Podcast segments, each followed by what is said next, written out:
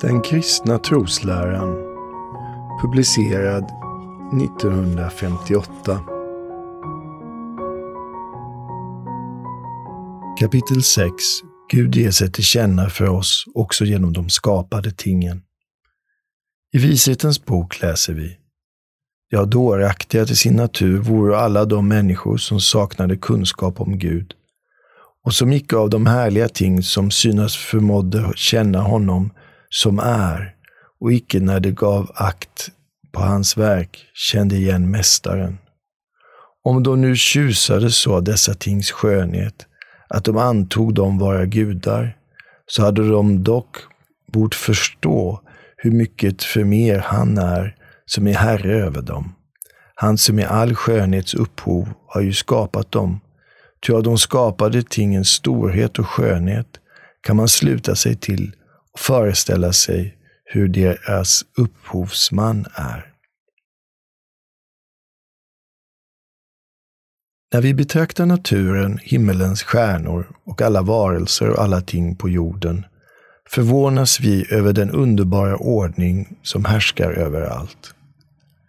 Varje varelse och varje ting har sin bestämda plats i naturens stora rike. Det måste finnas någon som har tänkt ut och förverkligat denna ordning. Allt måste ha kommit till genom en allvis och allsmäktig skapare. Varje enskild levande varelse är ett konstverk. Växter och djur är på ett så vist sätt inrättade att de lever, växer och fortplantar sig. Även den mänskliga kroppen är underbart och ändamålsenligt beskaffad. Denna visa beskaffenhet har de levande varelserna inte kunnat ge sig själva. En allvis och allsmäktig Gud måste vara upphovsmannen till allt detta. Inom oss hör vi samvetets röst. Det säger oss vad som är gott och vad som är ont. Samvetet talar till oss vare sig vi vill det eller inte. Vi har inte själva givit oss vårt samvete. Inte heller har vi fått det av andra.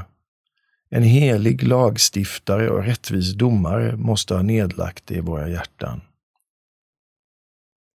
Om Guds inre liv och om hans planer för vår frälsning får vi dock ingenting veta av de skapande tingen.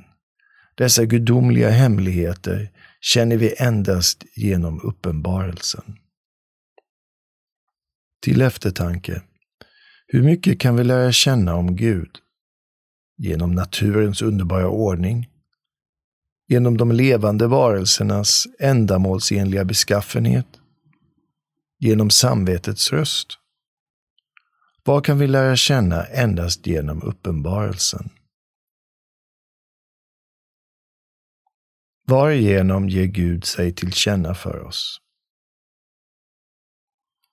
Gud ger sig till känna för oss, för det första genom den synliga världen omkring oss, för det andra genom samvetet inom oss och för det tredje genom uppenbarelsen.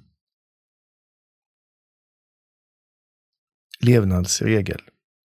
När jag betraktar en vacker blomma eller den väldiga stjärnhimlen vill jag tänka, Gud, du är oändligt mycket skönare och större än allt jag ser.